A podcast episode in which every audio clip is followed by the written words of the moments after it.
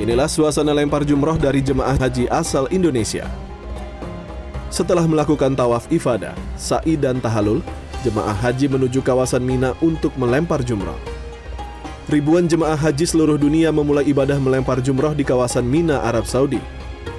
Untuk jumrah pertama, jemaah haji melempar tujuh batu di jumroh Aqabah.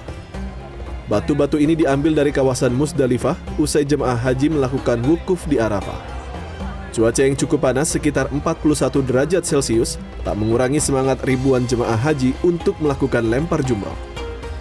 Hari berikutnya masih akan dilakukan lempar jumroh kedua pada 11 Zulhijjah dan jumroh ketiga pada 12 Zulhijjah.